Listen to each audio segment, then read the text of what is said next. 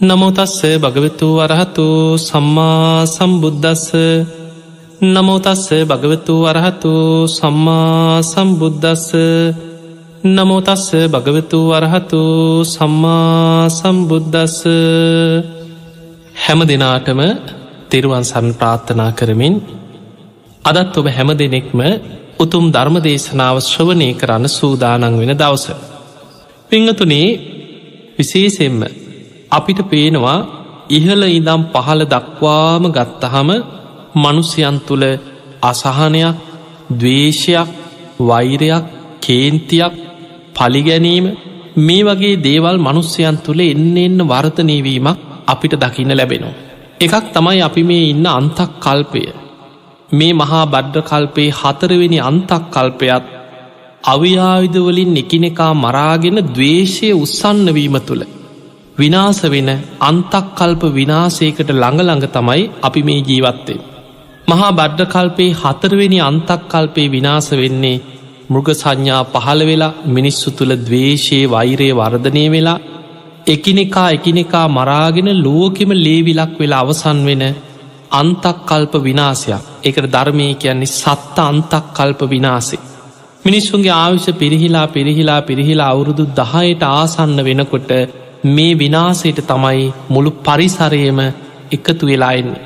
එනිසා පිංහතුනේ වර්තමානය අපිට දකින්න ලැබෙනවා පින් ඇති ගුණධර්ම වඩන බණහන සිල්වත් ගුණුවත් පිරිසක් සමාජ අතරින් පතර බේරිලා ජීවත් වනාට සමාජයේ තුළ ගත්තහම මිනිස්සු තුළ තරහාව වෛරය කේන්තිය සමහර වෙලාවට පුංචි දේවල් වලට දිගින් දිගට අරගෙන යන සංසාර වෛර කෝන්තර මේ වර්ධනයවීමක් තිය. සමහර වෙලාවට දැන් අලුත් අවුරුද්ධ උදා වෙනකොට මිනිස්සු අවුරුදු ගානක් සමහර වෙලාට අවුරුද්ධ දක්වාම දිගට අරගෙනගේ වෛර තියෙනවා. එක්කො පුංචි දේවල් පොඩි දරුවන්ගේ ප්‍රශ්න වෙන්න පුළුවන් කාගේ හරි කේලමක් වෙන්න පුළුවන් අසල් වැසියෝ නෑදෑයෝ ඥාතීන් මේ සියලු දෙන අතර දිගට තිබිච්ච වෛර සමහරේවා අවුරුදු එනකොට මිනිස්සු හිතනව අපිෝ අමතක කළදාමු. එහෙම හිතලා අවුරුද්ධ පටන්ගන්නකොට කැවුම් පිගම් බෙදාගෙන අර පරණ තරහා වෛර අමතක කරගන්න උත්සාහ ගත්තත්. ඊළඟට ආයමත් අවුරුදු ඉවර වෙනකොටම මිනිස්සු අතර මේ වෛර ආය වර්ධනය වෙනවා. ඒකට ප්‍රධානම දෙයක් මේ බේ බදුකක්.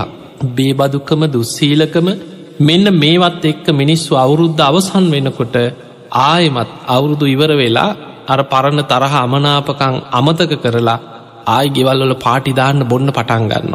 දැන් හිතවත්කමෙන් බීලා පරණ කෝන්තරා ඇදගන්න. ඇදගෙන ආයි රණ්ඩුව පටන්ගත්තට පස්සේ බැනගෙන ගහගෙන ඊළඟ අවුරුද්ධ දක්වාම සමහර වෛර දිගට දිගට අරගෙන යනවා. අන්නේ නිසා පිංවතුනේ දවේශයේ වෛරයේ භයානකකම නිතර දකින්න. බුදුරජාණන් වහන්සේ පෙන්නනවා යකඩේක හටගන්න මලකඩ ඒ යකඩේම විනාස කරලදාන. බුදුරජාණන් වහන්සේ වදාළ දවේශයත්තේ වගේමයි.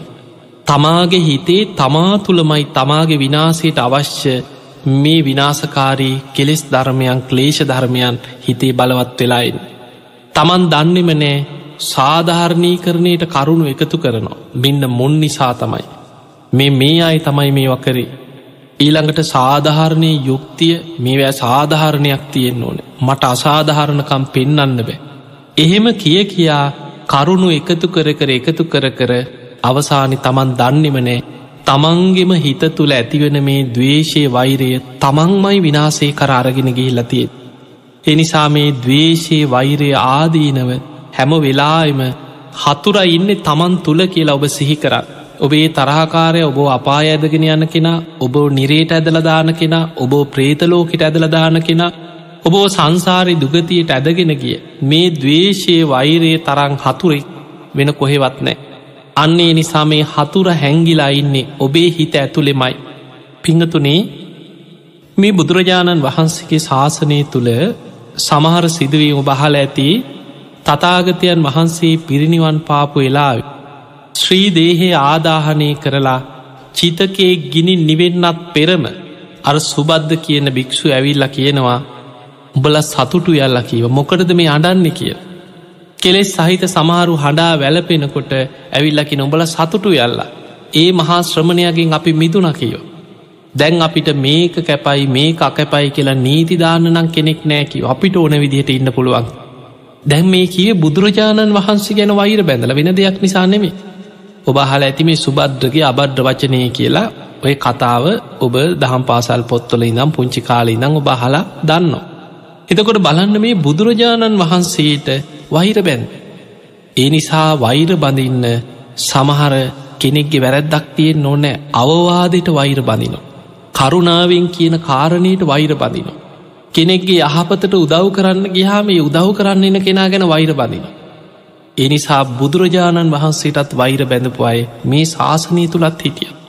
ඒවගේ බහල ඇති කෝකාලික කියලා හාමුදුරු කෙනෙක් හිටිය බුදුරජාණන් වහන්සේ කාලේ මේ කෝකාලික කියන භික්‍ෂුව බොහෝම මස්සුරු ලෝභ කෙනෙ.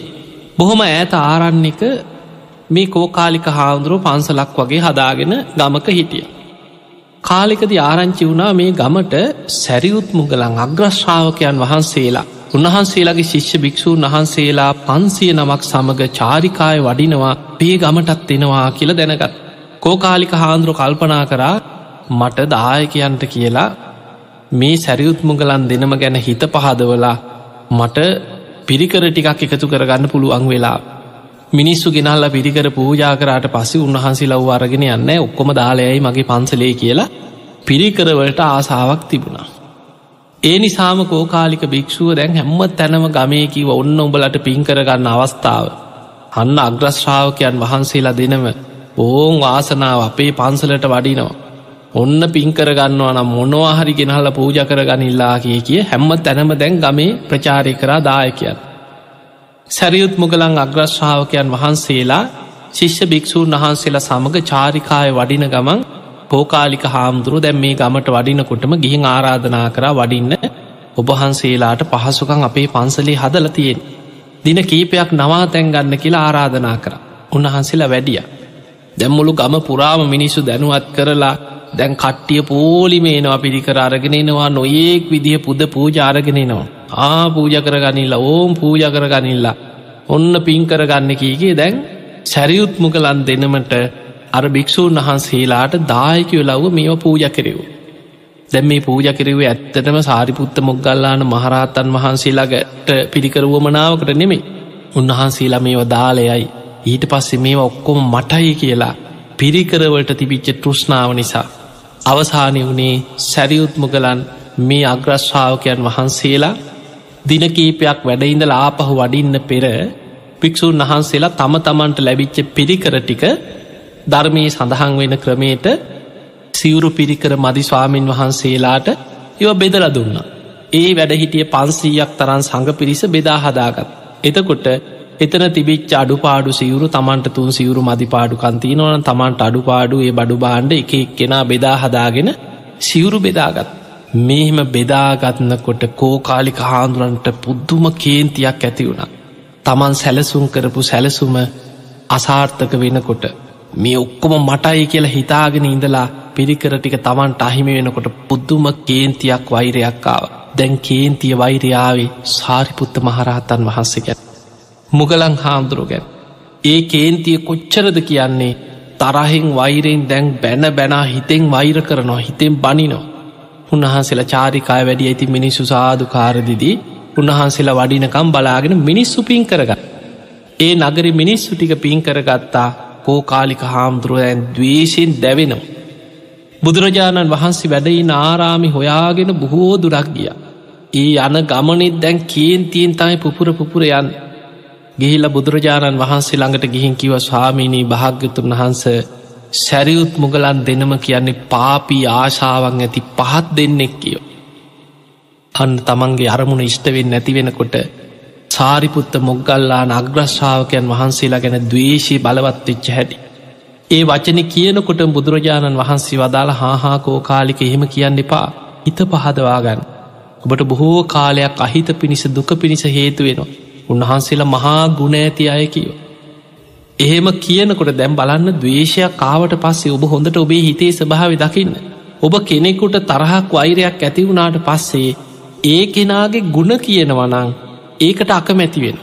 ඔබ කෙනෙකුට බනිනකොට ඇත්තනේ නම් ඒ හරි කියලා ඒකට උදව් කරනවා නම් වචනෙන් හරි ඒකට හූමිටි දෙනවන අන්න එයා තමයි හොඳයි.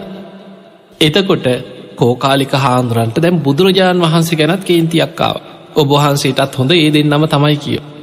මංකීවට ඔබහන්සේ පිළිගන්නෑන් කියල දෙවනි පාරත් කිව්වා ස්වාමීනී ඔබහන්සෙත් ඔයි හිතාගෙන හිටියට හොඳයි කියලා සැරියුත් මුගලන් කියන්නේ පාපී අදහස් ඇති දෙන්නෙක් කියෝ. බුදුරජාණන් වහන්සේ දෙවනි වතාවත් කියනවා හාහා කෝකාලික කටවහගන්න. ඔබට බොහෝ අකුසල් රැස්වෙනවා කියව වචනේ සැරියුත් මුගලන් දෙනව කියන්නේ මහා පින් ඇති ගුණවන්ත දෙන්නෙක් කියෝ. තුන්ගනි වතාවත් ආයමත් ඒ කතාවම කියලා ඔබහන්සේටත් ඒ දෙන්නම තමයි හොඳ කියලා ගස්සගෙන ගිය. බුදුරජාණන් වහන්සේටත් දැන් බලන්න බුදු කෙනෙක්ගේ වචනයටවත් දැන් ඇහුම් කන්දෙනෙ නෑ ඒ තරන් දවේශි බලවත්. දැන් තමන් කුටියට ගිහිල්ල දොර වහගත්තත් කේන්තියට ඇඳේ වාඩි වෙලා ඉන්න මුළු ඇඟම වෙවුලනු. කේන්තිය දවේශයේ බලවත් වනාට පස්සේ තමන්ට කරන්නේ මොකක්ද කියන්නේ මොකක්ද මේක හොඳද නරකද පින්ද පෞද කුසල්ද අකුසල්ද ඒ ඔක්කොම යට යනු. ඔබ සමාජි දැකල ඇති සමහරු කිය නො මට අපායගියත් කමක් නෑ කිය. එතකොට කේන්තියක් කාවට පස්සේ මිනිස්සුන්ට අපායත් හොඳ වෙනවා. අපායන්නත් කැමති සමහර. හිරේ ගියත් කමක් නෑගෙන මාව එල්ලුම් ගහට ගියක් කමක් නෑ කිය.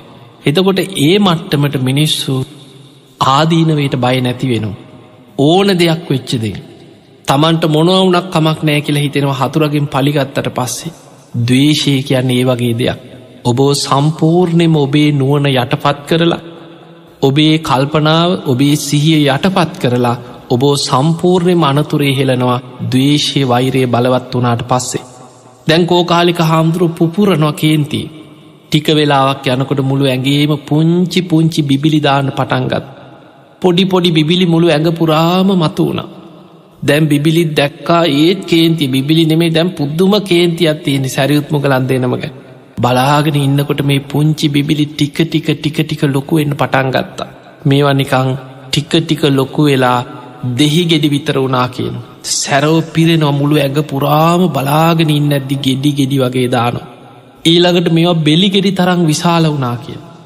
ඒ වෙලාවේ අනුකම්පා කරපු දේවතාවෙක් දැක්කා කෝකාලික භික්‍ෂුව සැරියුත් මුගලන් දෙනමට හිතා පහදවාගෙන. දවේශෙන් වෛරයෙන් අග්‍රශ්‍රාවකයන් වහන්සේලා ගැන අනේ දැම් මැරුණොත් අපායමයි වැටෙන්නේ. කොහොම හරි අන්තිම මොහොතේ හරි උපකාරයක් කරන්න ඕනෑ කියල මේ දේවතාව පෙනී හිටිය බ්‍රහ්ම දේවතාවේ. දිවිය සුරූපෙම පෙනී හිටියා කෝකාලික හාන්දුරන්ගේ කාම්බරි කෝකාලික හාන්දුරහ ඔබ කවුද කිව්ව මම දේවතාවේ. ඔබ මේ වෙලෙමකට දැහව මෙහාාවේ. එතකොට කියනවා කෝකාලික ඔබට පිහිට වෙන්න අයාව. සැරියුත් මුගලන් දෙනම කියන්නේ බොහෝ ගුණ ඇති අය කියව. ඒ අය ගැන හිත පහදවා ගන්න කියව සමා කරගන්න කියව. බලන්න දවේශයේ වෛරය බලවත් වනාට පස්සේ ආයි දෙවි කෙනෙක් කිව්වත්. බුදු හාමුදුරු කීවත් පිළිගන්නේ නෑ කියනදේ. අර දෙවියන්ටත් බනින්නගත් දෙවියෙක් නම් දිවිය ලෝකට වෙලා ඉන්නතු මොකට මෙහෙනවද කෙලෙව්. මට එන්න එපාකිව අවවාද අනි අර දේවතාව අතුරු දහන් වෙලා ගිය. ඒ වෙලාවේ අර ඇගේ තිබිච්ච බෙල්ලිගෙඩි තරන් ගෙඩි පුපුරලා සැරව ගලලා ඒම වේදනාව ඉඳලා අර දවේශෙම මරණයට පත්වෙලා පදුම කියන නිරේ පහළ වෙන. මහා දුක් ඇති නිරයක් තමයි පදුම නිරේ. එදා රාත්‍රී බුදුරජාණන් වහන්සේ මුණගැහෙන්න දේවතාව දෙන්නෙක් කෙනවා. එක දේවතාවෙක් බුදුරජාණන් වහන්සේ ඉදිරියේ වන්දනා කළ කිනො ස්වාමීනී භාග්‍යතුන් වහන්ස. ඊයේ රාත්‍රී කෝකාලික භික්‍ෂුව සැරියුත් මුගලන් දෙනම ගැන හිත අපහදවාගෙන මරණයට පත්වෙලා පදුම නිරේ උපන්නාකි බුදුරජාණන් වහන්සේ බුදු ඇසින් දැක්ක එක ඇත්ත. අනෙක් දේවතාවකි නො සාමිනී භාග්‍යතුන් වහන්ස පදුම නිරේ ආවිශ නිරබ්බුද ලක්ෂයක් තිස්සේ මේ කර්ම විපාකි ගෙවනව වෙනවකීව. එතකොට මේ මුල් කරගෙන බුදුරජාණන් වහන්සේ භික්‍ෂූන් වහන්සේලා රැස් කරගෙන එදා මේ දවේශයේ වෛරය ආදීනවයත් කෝකාලික හාන්දුරුවම අපායගේ කාරණයක් මුල් කරගෙන මේ දවේශය ආදීනව ගැන බුදුරජාණන් වහන්සේ දහම් දෙසන්නට දුණ. එතකොට අපිට පේනවා බුදු කෙනෙක් පහළවෙච්ච කාලෙක. බුදුරජාණන් වහන්සේව පිහිට කරගෙනනේ සිවුරු පොරෝගත්තේ පැවිදිවුණේ සබ්බ දුක්ක නිස්සරණ නිබ්භාන සච්චි කරනත්තායි. සියලු දුකින් නිදහස් වෙලා නිවන් අවබෝධ කරගන්න මට ලැබේවා කියෙන චේතනාවෙන් තමයි මේ ගෙහි ජීවිත සැප සම්පත් අතහැරලා බුදුරජාණන් වහන්සේළඟ පැවිදිවෙන්. හැබැයි ඒ පැවිදි වුණාට හිතේ තිබිච්චර දවේශය වෛරය කේන්තිය සමහර වෙලාවට සැප සම්පත් අතහැරලා පැවිදි වෙච්ච කෙනා දැම් බලන්න ඇලුම් කරේ මොකේටද පිරිකරවලට. ඒ දේවල්ලොලට ආසා කිරීම තුළ අරතරං ගුණ යහපත් අසංකේයකුත් කල්ප ලක්ෂයක් පාරමී පුරල අගසව් තනතුරට පත්වෙච්ච අගසව් දෙනම ගැනත් දවේශ සිතක් ඇති වුණ. අවසානි බුදුරජාණන් වහන්සේ අවවාද කරනකොට බුදුහාමුදුරුවන්ගේ අවවාදයටත් කිපුණ. දෙවිවරු දිවිය සුරූපයෙන් ඇවිල්ල කිව්වත් දෙවියන්ට පවා බැන වැදුණ. එතකොට අපිට පේනවා කෙනෙක් දවේශයෙන් නොමග ගියාට පස්සේ කෙනෙකුට කරන්න මොනවද මේක හොඳද නරකද යහපත්ද අයහපත්ද දරුවෝ ඉන්නවද හිරේ අයිද අපායයිද මන් සමාජ ජීවත්වෙන්නේ කොහොමද මගේ තත්ත්වය මොකක්ද මේ කිසි දෙයක් මිනිස්සුන්ට අමතක වෙන. එනිසා පිංහතුනී ඊළඟට දවේශයත් එක්ක දැන් සමහරු බේබද්ධ වනාට පස්සේ ඊට අන්තයි. ලැජ්ජාබයි දෙකම නැති වෙලා යනවා. දවේශයෙන් එක පැත්තකින් වැහිලා යනවා නුවන අනිත් පැත්තෙන් ලැජ්ජාබයි නැත්තටම නැති වෙලා අකුසලේටම වැටෙනවා බේබදුකමත් ඒකට ගැලපිලාවට පස්සේ. ඔබ හොඳට දකින්න ඇති අපි මේ මොන්න තරං ධර්මය කතා කරත් මොන තරං ආදීනව කතා කර. පසුගිය දින කීපේ තුළ මේ අවුරුදු අවුරුදු කියලා මිනිස්සු මොනතරන් සතුටින් ඉන්න ගෙවල් සූදානන් කරගෙන මහන්සි වෙන. අනේ දරුව අරගෙන ගිහිල ඇඳුම් පැළඳුම් අරගෙන අලුත් අවුරුද්ධට කියලා සතුටින් ඉන්න උත්සාහ කරාට මුළු පවුලේම සතුට විනාස කරන එක බේබද්දෙක් හරි සමල්ලාට පවුලක ඉන්න. එක්ක තාත්ත වෙන්න පුළුවන් එක්ක දරුවෙක් වෙන්න පුළුවන් බාපෙක් වෙන්න පුළුවන් සහෝතරයෙක් වෙන්න පුළුවන් මොකෙක් හරි පව්කාරෙක්කින්න ඔය පවුලක අර පවුලේම තියෙන සතුට විනාස කරලදා. එක්කො බීලා ගෙවල් වල කෑගහලා දරුවන්ටත් ගහලා කෑමපිකම් පොලේ ගහලා අහල පහල මිනිස්සු එක කෝන්තරයක් රණ්ඩුවක් පටලගෙන එක්කො ගහගෙන එතකොට මේ වගේ තමන් දුගතියටම ඇදිලා මුළු පවුලක් ඊට පස්සේ අමාරු වැට සමාරු පොලිසි ගානේ උසාවිගාත් හැඩුව කඳලින් ඉස්පිරිතාලගානය අවුරුදු දවස්සල. එතකොට අපිට පේනවා මනුස්්‍යයන්ගේ විනාසේට මේ දවේශය වෛරයේ කේන්තිය මනුස්සෙක් විනාසට අරගෙන යනවා වගේම බේබදුකම කියන්නේ භයානක තැන. පිංහතුනී බේබදුකමේ ආදීනව. අපේ බුදුරජාණන් වහන්සේ අතීත රජ කෙනෙකුගේ අතීත කතාවක් පෙන්නනවා. මේ රජ්ජුරුවෝ මත් පැංවොල්ට මේ මඩ්‍රව්‍යවලට ඇබ්බැහි වෙච්ච පුද්දුම බේබදු රජෙක්. මේ රජ්ජුරුව හැමදාම රාජ සභාව ඉන්නෙත් මත් වෙලා. හවස් වෙනකොට හොන්දටම බීල බීල සීකල්පනාවෙන් නෙමේ ඉන්න. මේ රජ්ජුරුව වෙරි මතින් ඇවිල්ල මේසි උඩ වැටෙනවා. අර මස් ජාතිම ඕන කන්න බේබද්දට කන්න මස්ම ඕනේ. එක ඒක විදියට මස් බැදල හදනවා පුච්චල හදනවා කිරට හදනවා මිරිසට හදනවා අරක් කැමියා මස්ම තමයි හදලතිය. කාල කාලා එතනත් බීල සමහල්ලාට එහෙම එතනම ඇදගෙන වැටෙනවා. ඕක තමයි රජ්ජුරුවන්ගේ ජීවිතේ. ඔහොම මෙහෙම පවකාර ජීවිතයක් ගෙවන රජ්ජුරුවන්ට මේ රජ්ජුරුවන්ගේ බිසවට පුංචි පුතෙක් ලැබිලා හිටිය. හැබැයි රජ්ජු රෝජින් විරිහිඳුනට පස්සේ අර පුතාටත් බොහෝම ආදරේ පුංචි රාජකුමාරය පිරිමි දරුවේ ඉපදිලා තාම ටික දවසයි පොඩි දරුවා. දවසක් පෝය දවසක පෝය දවස්වොල්ට එදා දඹදිව පවා පෝය දවස්වොල්ට මිනිස්සු සත්තු මරන්නේ නෑ. ඒ නිසා වෙළඳ පොලේ කොහෙවත් මස් මාංස පෝය දවසට නෑ. මස් මාංස විකුණන්නෙත් නෑ සත්තු මරන්නෙත් නෑ. ඒ දවස්වලට මස් කඩත් වහලා. හැබැයි මේ රජ්ජුරුවන් වෙනුවෙන් දැන් කොහොමත් රජ්ජුරුවන්ට පෝයිද මොනවද කියලනෑ බේබද්දට මස්සෝන ඒ නිසා අරක් කැමිය කරන්නේ කලින් දවසේ මස් ගෙනහල්ල තියාගන්න. පෝයි දවසට රජ්ජුරුවන්ට හදලදේ විශාල මස්කුට්ටියක් ගෙනහල්ල තියාගන්නවා හැමදාම පෝයි දවසට කලින් දවසේ. එදා බැලින්නම් උදේ මස්කුට්ටිය බල්ලෙක් ඇදගෙන ගිහිල්ලා. දැම් මස්නෑ අරක් කැමිය බය වුණ හදනම් මං ඉදල ඉවරයි. මට මැරුම් කන්න තමයි වෙන්නේ. බේබදුකමින් ඊළඟට දවේශයෙන් වෛරයෙන් කේන්තිගයාට පස්සේ තමන් මොනවද කරන්න කියලා රජ්ජුරුවන්ට මතකයක් නෑ. හනේ අද මං ඉවරයි කියලා දේවිය ළඟට ගිහිල්ලා අඩාඩා කිව් අනේ දේවිය මා බේරගන්න කීවා. රජ්ජුරුවන්ට ගෙනාපු මස්කුට්ටිය බල්ලෙක් ඇදගෙන ගිහිල්ල කියෝ. අනේ දේවිය මාව බේරගන්න ඒවිය දහතේ කල්පනා කරා වෙළඳ පොලේ කොහේවත් යවල බැලුව හැම තැනම කොහෙවත් නෑ මස්කඩ ඔක්කොම වහලා. පෝයි දවසට මස් නෑ. අන්තිමට හවස් වෙනකොට දේවිය කල්පනා කරලා කීවා ඔය තියෙන දෙයක් මොනවා හරි හදන්න කියව. ඔය රජ්ජුරුව බීලබී ලැවිල්ලා ඔය වෙරි මතින් ඔය තියෙන දෙයක් කාලා නිදාගනී. ඔය රජ්ජුරු ඇවිල්ල කෑම මේසි වාඩි වෙච්චකමම් මම් පොඩි එකා වඩාගෙන ඇවිල්ල රජ්ජුරුවන්ගේ පුතා රාජ කුමාරය අතට දෙන්නම් කියෝ. ඔය රජ්ජුරුව මොනවා වනත් දරුවට ආදරේ කියෝ. දරුසෙනිහස නිසා දරුව හුරතල් කර කෙර ඔය තියෙන එකක් කාල රජ්ජුරුව නිදාගනී උබ බයිවෙන්න පා කියෝ. දැන් ඔන්න අරක් කැමයිතින් කරන්න දෙයක් නෑ තියෙන දේවල් ටික එක ඒක විදිහට රසට හැදවා. තියෙන රසකාරක ඔක්කොම දාලා හැදුව හැබැයි මස් නෑ. දැන් මේසට ඇරලා තියෙනවා රජ්ජුරුව පුරුදු විදිහටම බීලා බීලා වෙරිමතින් ඇවිල්ල මේසි උඩ ඉඳගන්නකොටම දේවිය දරුවා තුරුල් කරගෙන ඇවිල්ල රජතුමනී මෙන්න රජ්ජුරුවන්ගේ පුත්කුමාරයා කියලා පොඩි එකා දුන්න අතට. දැන් ඔඩොක්වේ දරුවා තියාගෙන දරුවත් හුරතල් කර කර කෝ ගනින් කෑම එක කියලා කෑම ටික කන්න ගන්නකොට කනලා කටට ගන්නකොටම මස් නෑ. අර පුරුදු රසේ නෑ. බැලු ඇස්සැරලා වෙරි මතින් බලනකොට මේසි උඩ නෑ මොකුත් මස් අරක් කැමියට කතා කළකෙව කෝ මස් කියලැහු. තැන් අරක් කැමියා දන ගහගෙන වැඳගෙන කිව් අනේ රජතුමනී මට සමාවෙන්න. අද මස් නෑ කිව ඊ ගෙනාපු මස්කුට්ටිය මෙහෙම සතෙක් ඇදගෙන ගිහිල් අනේ රජතුමනි අද කොහෙවත් මස් නෑ කිව. වෙරි මතින් හිටපු රජ්ජුරුවෝ බලන්න දවේශය වෛරය කේන්තියාවට පස්සේ. තමන් මොනවද කරන්නේ තමන් කියන්නේ මොනවද මේක හොඳද නරකද මේ සියල්ල යට යන. කේන්තිය කොච්චර බලවද්ද කියන පුදුම කේන්තියක් ඇතිවුණා මමයි රජ්ජුරෝ යකෝ මටද මස් නැත්තේ. මෙන්න මේක උයල දීපං කියලා අර උඩොක්වේ හිටපු දරුවගේ බෙල්ල ඇඹරුව. ළමයගේ බෙල්ල අම්බරලත් දුන්නා මේක උයාපංකිවා. දැන් දේවිය හේම සිහිසුන්ව වැටුන අනේ මගේ දරවා කියලා දේවිය සිහි නැතු ඇදගෙන වැටුණ.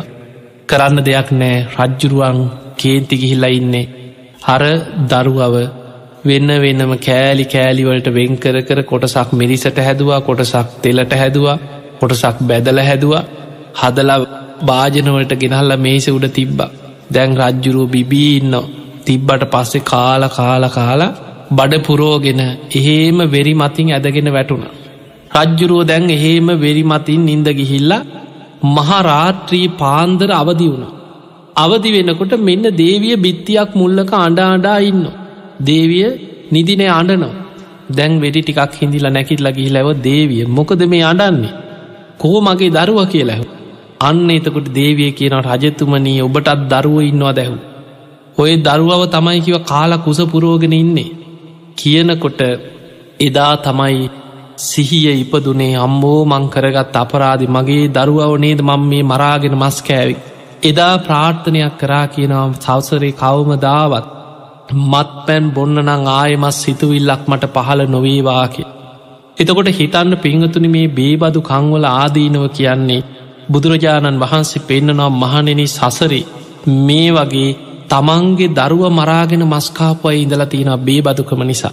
එනිසා පිංහතුනේ දවේශය වෛරය කේන්තිය ඊළඟට ඒවත් එක්ක බේබදුකමත් එකතුනාට පස්සේ මිනිස්සුන්ට මනුස්ස ගුණ ධර්ම නැත්තට නැති වෙලා යන තමන් කරන්නේ මොනවද කියන්නේ මොනවද මේක හොඳද නරකද ඒ සියල්ල යටපත් වෙලා තමන් පහත්ම මට්ටමට ඇදගෙන වැටෙනවා අන්නේ නිසා අද අප විමසල බලමු හිතට ඇතිවෙන දවේශයක් වෛරයක් කේන්තියක් යටපත් කරගන්න ධර්මානුකූලව බුදුරජාණන් වහන්සේ අපිට පෙන්නන ප්‍රායෝගික උපක්‍රම පහක් තියෙනවා. මේක සඳහන් වෙන්න විතක්ක සන්ඨාන කෙන සූට්‍ර දේශනාව තුළ. මංචිම නිකායට අයිතේ විතක්ක සන්ඨාන විතර්ක සංසිඳවන ක්‍රම. විතර්කේනවා අපිට කාම විතර්ක ව්‍යාපාද විතර්ක විහිංසා විතර්ක. කාම විතර්ක කියන්නේ කෙලෙස් සහිත රාග සහිත අරමුණු ඔස්සේ හිත දුවනවා. ඒවා ඔස්සේම හිත බැඳිලා බැඳිලා යනවා. එතකොට ඒ රාගේ සිහිකර කර හිටියොත් නූපන් රාගේ උපදින උපන් රාගේ බලවත් වෙලා යනු. රාගෙන් හිත යට පත්වෙනවා රාග කාම විතර්ක ඔස්සේ හිත මෙහේවන්න කියෝ අයු නිසෝ මනසි කාරිටය වැටුණො. එළඟට ව්‍යාපාද විතර්ක ව්‍යාපාද තරහාවකේ අසෝලා මට මෙහෙම කර මුම්මට මෙහෙම කරා මට මෙහෙම කියලා තියෙනවා මට මේ වගේ මාව පහත් කර එහෙම හිතන්න හිතන්න නූපන්දවේශය උපදිනවා උපන්දවේශය බලවත්වෙනවා. ව්‍යාපාද විතර්කයේ තුළ අයෝනිසෝ මනසිකාරය යෙදුනොත්. දවේශයෙන් තමන් සම්පූර්ණෙම නොමග ගිහිල්ලා තමන් විනාසයට පත්වෙනු. ඊළඟට බුදුරජාණන් වහන්සේ පෙන්න්නනවා හිංසා සිතුවිල් විතර්ක ඇති වෙනවා. මරන්න ඕන කපන්න ඕන කොටන්න ඕන බලන මිනිස්සුයි වගේ කතා කියනවා. එතකොට මේ හිංසා සහිත විතර්ක හිතට ඇති වෙනකොට ඒවා ඔස්සේම කරුණු සාධාරණී කරණය කරන මුන්ට ඔහොම ඉවසල හරියන්න ඔවුන්ට මොනහරි කරන්න ඕන කීකි හිතන්න හිතන්න නූපන් දවේශය උපදිනවා උපන් දවේශය වැඩෙනවා.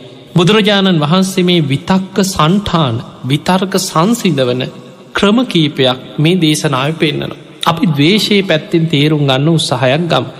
පිංහතුනේ බුදුරජාණන් වහන්සේ අපිට පෙන්නනවා අපේ හිතට යම් කිසි දවේශයක් වෛරයක් තරහක් ඇති වුණානම් දැන් ඔබ හොඳට ඔබ ගැන මෙනෙහි කරලා බලන්න. ඇත්තටම මාතුළ තරහගියානම් කේන්ති ඇති වුණානම් මගේ හිත නොමග ගියානන් දවේශයෙන් මේ කියන කරුණු ඔස්සේම නේද මටත් තරහක් ඇතිවුණේ කියලා තමා තුළින් බලන් බුදුරජාණන් වහන්සේ වදාළ මහනෙනේ දවේශයක් ඇතිවෙන්න හේතුවෙන කාරණා දෙකක් තියෙනවා. එකක් තමයි පටිග නිමිත්ත අනිත් එක තමයි අයෝනිසෝ මනසිකාරය අන්න ඔබට දවේශය ඇති වුණානං ඒකට මූලබීජවෙච්ච ප්‍රධානම කාරණා දෙක තමයි පටිග නිමිත්තයි අයෝනිසෝ මනසිකාරය. පටික නිමිත්ත කියන්නේ කේන්තියන මොකක් හෝ කාරණයක් යෙදෙනවා. එක්කෝ ඇහෙන් දැකපු දෙයක්. එක්කො කනෙන් අහපු දෙයක්. එක්කො නාසේට දිවට කයිට මොනහරි දැනිච්ච දෙයක් විදිච්ච දෙයක්. මොකක් හරි මේ දැනිච්ච දෙයක්. ඒ දැනිච්ච දේ එක්ක එක නිමිත්තක් හැටියට අපේ හිත ගැටෙන අපි අප්‍රිය අමනාප අරමුණක් එනවා එක පටික නිමිත්තා. අන්නේ නිමිත්ත ඔස්සේ අයෝනිසෝ මනසිකාරය දෙනවා. අයෝනිසෝ මනසිකාරය දෙනවා කැනෙ කෙලෙස් ඇතිවටන විදිහට වැඩෙන විදිහට නෝපන් දවේශය උපදින විදිහට උපන් දවේශයේ බලවත් වෙන විදිහට අපි අපේ කල්පනාව මෙහෙවනෝ. දැන් ඕක තවත් තේරෙන්න කියන්නම් මෙහෙම. අපි හිතමු ඇහෙන් දකිනවා. මොනව හරි දෙයක් අප හිතමු. කනත්තිති ඔයොක්කොම ඉන්ද්‍රියන් සම්බන්ධන ඇස කණනාසේ දිව ශරීරය මනස. මේ පංච ඉන්ද්‍රියන්ගෙන් අපි මේ පංච ඉන්ද්‍රියන්ගෙන් තමයි අපි මේ සියලු අරමුණු අපි ගෝචර කරගෙන සමාජයත් එක්ක මේ සිතුවිලිත් එක්ක බැඳි බැඳි යන් දැන් කවුරු හරි අපි හිතමු ඔබට ඇවිල්ල බැන්න කියලා. එක් ඔබට ඇවිල්ල ගහනෝ එක් ඔබට ඇවිල්ල මොනොහරි මූුණට කියලා බැනලා යන එක්ක රවල හරි යන මොකක් හරි දෙයක් හිතන් දැන් ඔන්න කෙනෙක් ඔබට එවැනි අකට යුත්තක් කරන ඔබ අප්‍රිය අමනාප දෙයක් කරනෝ ඔබ දකින ඇස් දෙකි. ඒ කියන වචන ඔබ කං දෙකෙන් අහනෝ. ඔබට සමහර වෙලාවට තල්ලු කරාවෙන්න පුළුවන් ඔබට මූුණට ගැහ්වගේම මොකක් හරි ඔබට කරපු දෙයක්. මොකක් හරි දෙකින් දමල ගැහුව. දැන් ඒක ශරීරයට වැදුනා. දැම් මෙන්න මේ මොකක් හරි දෙයක් තියෙනවා නිමිත්තා. මේ නිමිත්ත ගැන දැන් ඒක තම පටිග නිමිත්ත. අසවලා මට මේ විදියට බැන්නම්. මට මෙහෙම කිව්වා. මගේ ඉස්සරහට මැවිල මට මෙහෙම කිව මාව තල්ලු කර. එතකොට මොකක් හරි කරපු දේවල් ටිකක් තියෙන ඔබහල ඇතින රක් කොච්චිමං අවතිමං අජිනිමං අහාසිමේ මාව පරාජය කරා මට බැන්නා මට නින්දා කර මට මෙහෙම මෙහෙම කර එහෙම හිතන්න හිතන්න නූපන් දවේශය උපදින උපන් දවේශය බලවත්වෙන. එතකොට මෙන්න මේ පටික නිමිත්ත ඔස්සේ අයෝනිසෝ මනසිකාරය යෙදෙනවා කියන්නේ ඒ නිමිත්ත ඔස්සේ කෙලෙස් වැඩිවන විදිහටම අපි කල්පනා කර. අපිට එතනින්ම සංසිඳවන්නත් පුළුවන්. එතනින්ම අවුල ගන්නත් පුළුවන්. එතනින් සංසිඳවනවනං එයාට හිත් ඒකට ගැන යෝනිසෝ මනසිකාරී. නුවනින් හිතනවා කෙලෙස් යටපත්වෙන විදිහට හිතනවා. අපි හිතම ඒ නිමිත්ත ගැන මෙයා හිතනවා අනේ යා කරගත්ත දෙයාගෙනයයි. මංමොකටද මේ කවුරුත් නිසා මගේ හිතේ තරහක් ඇතිවෙන්.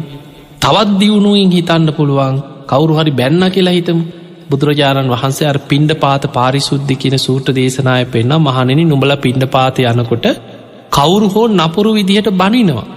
එතකොට හිතන්න කියනවා කනයි සබ්දයයි විඤ්ඥානයයි නිසා කනේ ස්පරසයක් ඇති වුණා. කනත් අනිත්‍යයි ඒ සබ්දයත් අනිත්‍යයි විඤ්ඥානයත් අනිත්‍යයි. ඒ අනිත්‍ය වූ ස්පර්සයෙන් විඳීම් ඇති වෙනවා. ඒ බනින සබ්දය හරි හඳුනගන්න හඳුනගත්ත සබ්දය ගැන චේතනා ඇති වුණා මේ ස්පර්සය අනිත්‍යයි විඳීම අනිත්‍යයි හඳුනා ගැනීම අනිත්‍යයි චේතනාව අනිත්‍යයි කියලා අනිත්‍ය මෙනෙහි කරන්න කිය. එතකොට කෙනෙ බනිද්දී අරමුණෝස්සේම පංචුපාදානස්කන්දය අනිත්‍යම ධර්මාවබෝධයට යොමු කරගන්න පුළුවන් කිය. ඊළඟට බුදුරජාණන් වහන්සේ පෙන්වා සාරිපුත්ත යමෙක් පින්ඩ පාත යනකොට නපුරු මිනිස්සු දරුණු මිනිස්සු ඔබට ගල්මුල්වලින් දඩු මුගුරුවලින් දමල ගහයි කිය. හිත ඉහලට වඩාගත්ත කෙනා අපි ගම කවරුවට ගලකින් ගැහව පින්ඩ පාතයනක පොල්ලකින් දමල ගැහු ඒ පොළු පාර ඇවි ලැගේ වැදුන කියලා හිතන් එතකොට හිත වඩපු හිත දියුණු කරගත්ත කෙනා. දැම කෙලෙස් සහිත කෙනානං එක පාට කේන්ති මොකාද මට ගැහුව කියලා බලනවානේ. ඒක තමයි සාමාන්‍ය කෙලෙස් සහිත කෙනාගේ ස්භාවේ කේන්තියෙන් සැනින් හැරිල බලනවා. ඒ නිමිත්ත ඔස්සේ වෛර බඳිනවා එතනීද හැබැයි බුදුරජාණන් වහන්සේ වදාළ මහනෙන හිත වඩපු කෙනා පහරක් වදිනකොට හිතන්නේ කයයි පහසයි විඤ්ඥානය එකතු වෙනවා. මේ කයත් අනිත්‍යයි ඒ පහසත් අනිත්‍යයි ඒ විඤ්ඥානයත් අනිත්‍යයි. ඒ කරුණු තුන එකතුවට කෙන කයේ ඉස්පර්සි ඉස්පර්සි නිසා තමයි කායික විඳීමක් ඇතිවුණේ. හිවිඳීමත් අනිත්‍යයි. පහස හඳුනා ගැනීම අනිත්‍යයි. හඳුනාගත් පහස ගැන චේතනා ඇත්වීම අනිත්‍යයි කියලා කෙනෙක් ගැහුවත් දඩුමුගුරුවලින් ගල්වලින් ගැහුවත් ඒ වදින පහර තුළත් අනිත්‍යම දකින්න කියන වේදනානු පස්සනාව වඩන්න. ඒ තුළ පංචුපාදානස්කන්ද දුකම මෙනෙහි කරන්න පුළුවන් කියන. එතකොට මිනිස්සු බනින අතරේ ගහන අතරය වුණත් ආරක ගියත් භාවනාවෙන් හිත විසිරෙන් නැතුව ධර්මාවබෝධයටම හිත වඩාගෙන යන්න පුළුවන්. ඒක ඉහලටම හිත වඩපු දියුණු මනසක් ඇති කෙනෙකුටයි ඒදේ කරන්න පුළුවන්. එතකොට බලන්න බුදුරජාණන් වහන්සේ පෙන්න්නනවා ඒ තරං හිතක් දියුණු කරන්න පුළුවන්කම තියෙන. තින් එහෙමනං ඔබ හිතන්න ඔබට කේන්තියක් ඇතිවුණා නං ඔබට ඒ මට්ට මෙම ඉහලට දියුණු නැතත් ඔබට සාමාන්‍යෙන් හරි එතනම සංසිදවන්න පුළුවන්. ඒ තමයි ඔබ හිතනවනං කර්මයට අනුව හිතන් යා කරගත්ත දයාගෙනියයි. මංමොකටද කවුරුත් නිසා මගේ හිතේ දවේශයක් ඇති කරගන්න. ඒ නිසා මගේ හිතට තරහක් කේන්තියක් වෛරයක් ඇතිවුණොත් අමාරුයි වැටෙන්නේ මමයි මගේ හිතයි නොම කියන්නේ අකුසල් රැස්වෙන්නේ මටයි. ඒ නිසා මගේ හිත මං රැකගන්නවා කියලා එහෙම හිතන්න පුළුවන්න අන්න යෝනිසෝ මනසිකාරී. ධර්මයට අනුකූලව හිතනවා නුවනින් හිතනවා. ඒ තුළ අර ඇතිවෙච්ච දවේශයේ වෛරය එතනම සංසිදව ගන්න පුළුවන්. ඒක තමයි පලවෙනියටම සංසිදව ගන්න තියෙන ක්‍රමේ. යම් නිමිත්තක් ඔස්සේ අයෝනිසෝ මනසිකාරය යෙදෙනකොට නූපන්දවේශය උපදිනවා නං උපන්දවේශය බලවත්වෙනවා නං ඒ නිමිස්ත ඔස්සේ අයෝනිසෝ මනසිකාරයේදෙන් නැතුව කුසල අරමුණකට ගන්නවා. යෝනිසෝ මනසිකාරයකට හිත යොමු කරගන්න. එක්කෝ කවුරු බැන්නත් අනේ ආකරගන්න දෙයාගෙනයයි කියලා තමන්ගේ පාඩුවේ ධර්මය හිතනවා මෛත්‍රිය වඩන. බුදුගුණ ටික හිතනවා බණපොතක් ගැන හිතනවා. අහපු බණක් මෙනෙහි කරනවා. තමන්කරපු යහපත් දෙයක් හිතනවා. එතකොට අර අකුසල අරමුණ ඔස්සේ හිතයන්නේ නැතුව තමන්ගේ හිත රැකෙනවා. අන්න බුදුරජාණන් වහන්සේ විතක්ක සන්ඨාන සූත්‍රය අපිට පෙන්නන පලවෙනිම ප්‍රායෝගික ක්‍රමේ ඔබ ක්‍රමටික මතකතියාගත් ඔබද කේන්තියක් වෛරයක් දවේශයක් ඇතිවුණාට පස්සේ. ඔබේ හිතේ ඒ වෛරයේ බලවත්වෙන්න ඉඩ නොදී එතනම යටපත් කරගෙන එතනම සංසිඳවාගන්න පුළුවන් ඒ කේන්තිය ඔස්සේ මෙනෙහි කරන්න නැතුව හිත වෙන කුසල අරමුණකට ගන්න කියන. යා කරගන්න දයාගෙනය මංමොකට මේ කවුරුත් නිසා දවේශයක් උපදවගන්න කියලා එතනින් මේක හිතෙන් අතහරි අතහැරලා තමන් වෙන බණ දහමක් ගැන එක බණ පොතක් කියවනවා වත්තරයක් බලන මොනවහරි හිත වෙන අරමුණකට යොමු කරගන්නවා අර පටිග නිමිත්ත ඔස්සේ හිත අයෝනිසෝ මනසිකාරී වැඩෙන්න දෙන්නේ. බුදුරජාණන් වහන්සේ වදාළ මහනෙන දෙවනි උපක්‍රමේ තව එකක් කෙන්නවා. ඒ තමයි බුදුරජාණන් වහන්සේ වදාළ මහනෙන යම් පටිග නිමිත්තක් ඔස්සේ. අයෝනිසෝ මනසිකාරය යෙදෙනකොට නූපන්දවේශය උපදින උපන්දවේශය බලවත් දැන් කෙනෙක් අර දවේශ සහිත සිත යටපත් කරගන්න අදහසින් කුසල අරමුණකට හිතගන්නවා කියලා හිතන් අපි කියව පලවෙනි උපක්‍රමේ තැන් යාඒ අමතක කරගන්න එක පොතක් කියවුණු. එක්කු බණක් අහනෝ. එක්කෝ රූපාහිනිය දාගෙන හරි බලනවා. එක්කො අත්තේ ඇවිදින්න යනවා. සමහරු කොයි හරි ගමනක් යන හිතේ ප්‍රශ්න අමතක කරගන්න කොහේ හරි ඇවිදල කරලායිනවා. නෑදෑගෙදරක යනවා. එතකොට මේ වගේ ප්‍රායෝගික සරල ක්‍රම තුළින් අර හිත කෙලෙස් සහිත අරමුණ ඔස්සේම දුවන එක නවත්ත ගන්න පුළුවන්. හැබැයි බුදුරජාණන් වහන්සේ වදාලා මහනෙන දවේශය බලවත් වනාට පස්සේ. සමහර මොකද හැමෝ පුද්ගලයාගේ එකිනෙක පුද්ගලයෝ ගත්තොත් එකිනෙකාගේ දවේශ සිත එකිනෙක ස්භාවෙන් තියෙන්. මේ ලෝකෙ දාහක් අරගෙන බැලුවොත් ඒ දාහටම එකම විදිහකට කේන්තියනවා නෙමේ. සමහර පුද්ගලෝ ඉන්නවා මොනවා කිව්වත් හිනාවෙලා අනේ ආකරගන්න දෙයාගෙනයයි කියලා විහිළුවක් කරලා හිනාවෙලා ඉන්නවා. ගානක්කත් නෑ බැන්නත් සද්ධ නැතුව ඉන්න ගැහුවත් සද්ධ නැතුව ඉන්න හිනාවෙලා පාඩුවේ ඉන්න සමහර පුද්ගලයෝ ඉන්නවා දවස් දෙක තුන හතර කේන්තියෙන් වෛරෙන් පුපුර පුපුර ඉඳලා හැබැයි දවස් දෙකෙන් තුනෙන් ඕ අමතක් කළ දාන ඇත්තින්න. ඊළඟට සමහර පුද්ගලයෝ දිගට දිගට වෛර බදිනවා පුංචි දෙයක් ඇති. මරණ මංචකේ දක්වාම වෛර බඳින. සමහරු මැරෙනකනුත් ඒකම කියෙන් සමහර අවුරුදු ගණන් පරණයි අවුරුදු තිය හතලිය පරණ කෝන්තර තමලාට ඒ මිනිස්සුත් මැරිලා උන්ගේ පවුල්ල ලෙවුණුත් මැරිලා. ඒත් තමන් මැරෙන කොටත් තමන්ට මතක් කෙනවා ඒ කාලේ මෙහෙම මනුස්සෙක් මට මෙන්න මෙහෙම එකක් කිව්වා.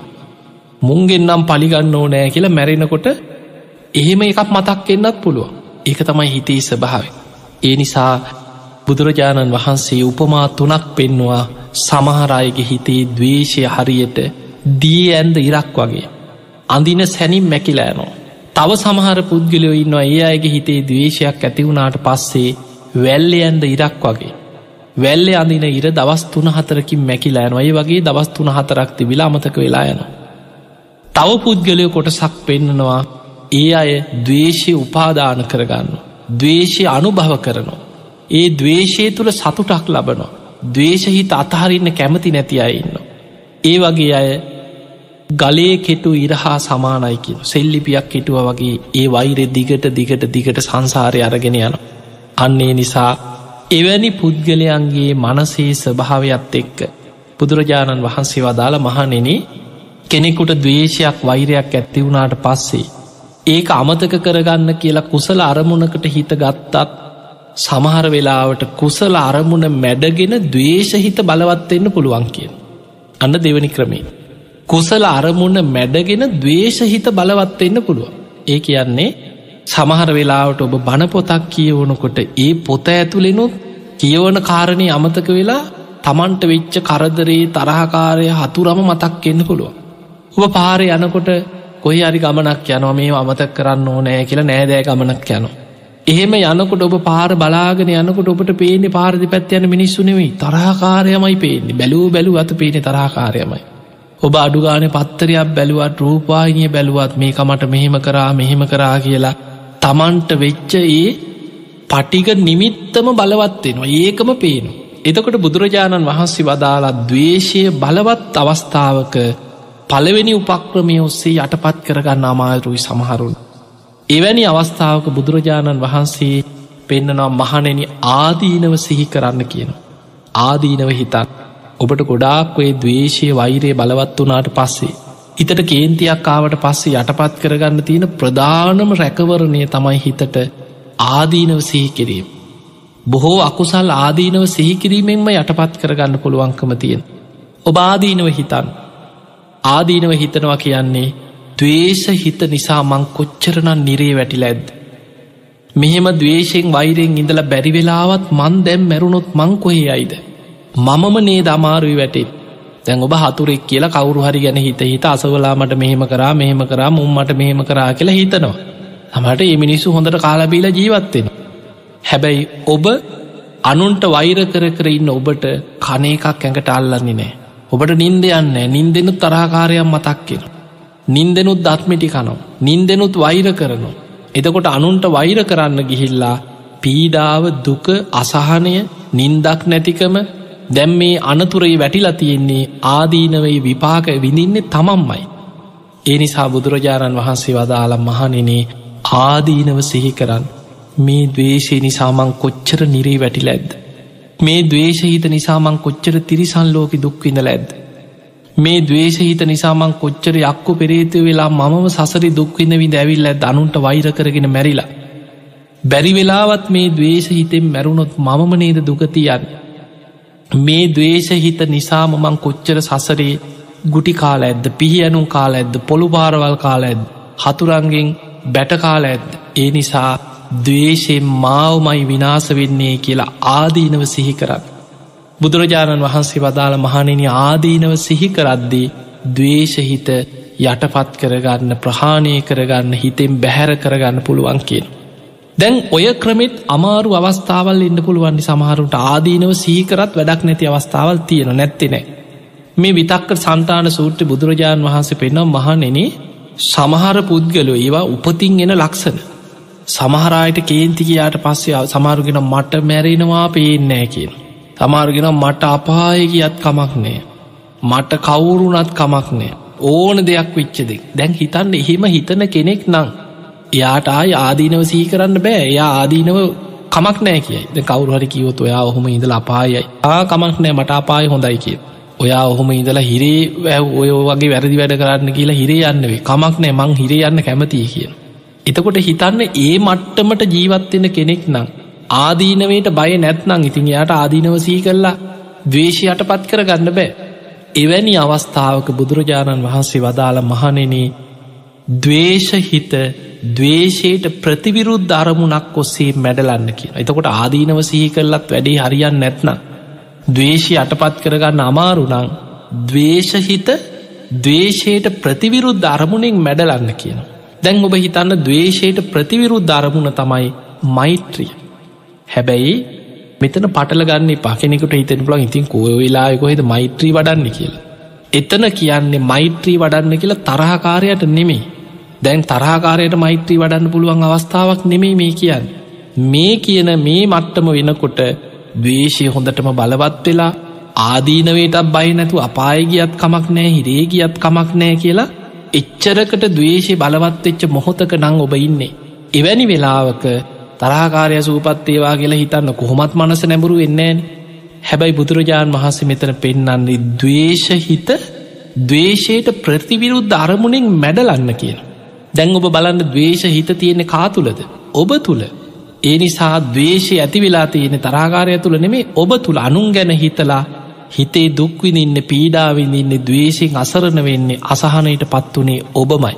ඒ නිසා ඔබේ හිතේ දවේශය නිසා ඔබ විඳවන හැටි ඔබම දැකිමින් තමන් තමන්ට මෛත්‍රී වඩාගන්න කිය. තැම් බලන් අපි මෛත්‍රී භාවනාව කරනකොට අප්‍රමාණ මහ ක්‍රමේට මෛත්‍රී භාවනා වැඩුවත් මහක්ගත ක්‍රමේට මෛත්‍රී භාවනාව වැඩුවත් භාවනා කරද්දි මෛත්‍රී භාවනාවේද ඉස්සරලා මෛත්‍රී වඩන්නේ තමන් මම නිදුක්වෙම්වා මම නිරෝගිවෙම්වා මම සූපත්තෙම්වා වෛර නැත්තෙක්වෙම්වා තරහ නැත්තෙක්වෙම්වා ඉරිසියා නැත්තෙක්වෙම්වා දුක්පීඩා නැත්තෙක්වෙම්වා සුවසේ ජීවත්තෙම්වා සුවපත්තෙම්වා මේ මෛත්‍රී වඩන් ඉස්සල්ලාම තමන්ට ඒ නිසා දැන් ආදීනව සිහිකරලත් හිතේ තරහව යටපත්තෙන් නැත්නම්? කන්න බොන්න බෑ නින්ද යන්නේ නෑ තරහකාරයම මතක්කෙනවා කේන්තියනවා මුළු ඇඟම වෙවුලනවා පලිගන්න හිතෙනවා.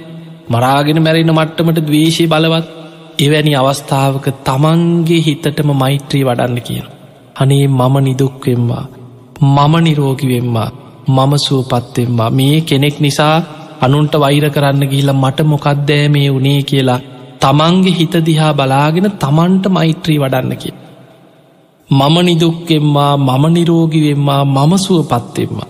තරාකාරය නෙමේ මම එනිසා ඉස්සල්ලා මම නිදුක්කෙම්වා මම නිරෝගිවෙම්වා මම සුවපත්තෙම්වා කියලා තමන්ගේ හිතටම මෛත්‍රී වඩන්. ඒක බුදුරජාණන් වහන්සේ පෙන්නම් මහනෙනී හොඳට තමන් අරමුණු කරගෙන. හිස් මුදුනෙහිදම් පාදාන්තයටම තමන්ගේ ශරීරයම අරමුණු කරගෙන මේ දවේශය නිසාමං කොච්චර පීඩාවකට පත් වනාද. තරහාව නිසාමං කොච්චර පීඩාවට පත්වෙලාද. අනුන්ට වෛර කරන්න ගිහිල්ල මට කොච්චර නම් මානසික පීඩනයක්ද. ඒ නිසා මම නිදුක්වෙම්වා මම නිරෝගවෙම්වා මම සුවපත්තෙම්වා වෛර නැත්තෙක්වෙම්වා තරහ නැත්තෙක්වෙම්වා ඉරිසියා නැත්තෙක්වෙම්වා දුක්පීඩා නැත්තෙක්වෙම්වා සුවසේ ජීවත්තෙම්වා සාන්තසුවයට පත්තෙම්වා කිය කිය තමන්ටම තමන් මෛත්‍රී වඩ බුදුරජාණන් වහන්සේ පෙන්නම් මහනිනි මෛත්‍රිය කියන්නේ ගින්දරකට කුකුල් පිහාට්ටක් ලංකරා වගේ කියන. දවේශ හිත තමා තුළම ඇකිලිලා යනවා. මෛත්‍රී වඩන්න වඩ එක බුද්ධ වචන ඒක සත්‍යයක්. බුදුරජාණන් වහන්සේ බුද්ධ වචනයෙන්ම පෙන්නනවා සත්‍යයක් හැටියට මහනෙනේ තැන් කාටවත් කියන්න බෑයිතකොට නෑ මෛත්‍රී වඩනකොට දේශය යටපත්තෙන් නෑ කියලා කාටවත් කියන්න බෑ.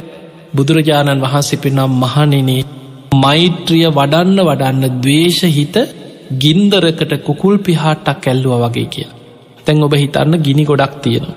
මේ ගින්දරට කුකුල් පිහාට්ටක් හරි මේ කුරුල් එක පිහාට්ටක් අල්ලපු ගමන් මේ කුකුල් පිහාට්ට උුණු වෙලා ඇකිලිලා තමන්ගේ පැත්තටම ඇකිලිලා යනු. බුදුරජාණන් වහන්සේ වදාළ මහණනී වගේ.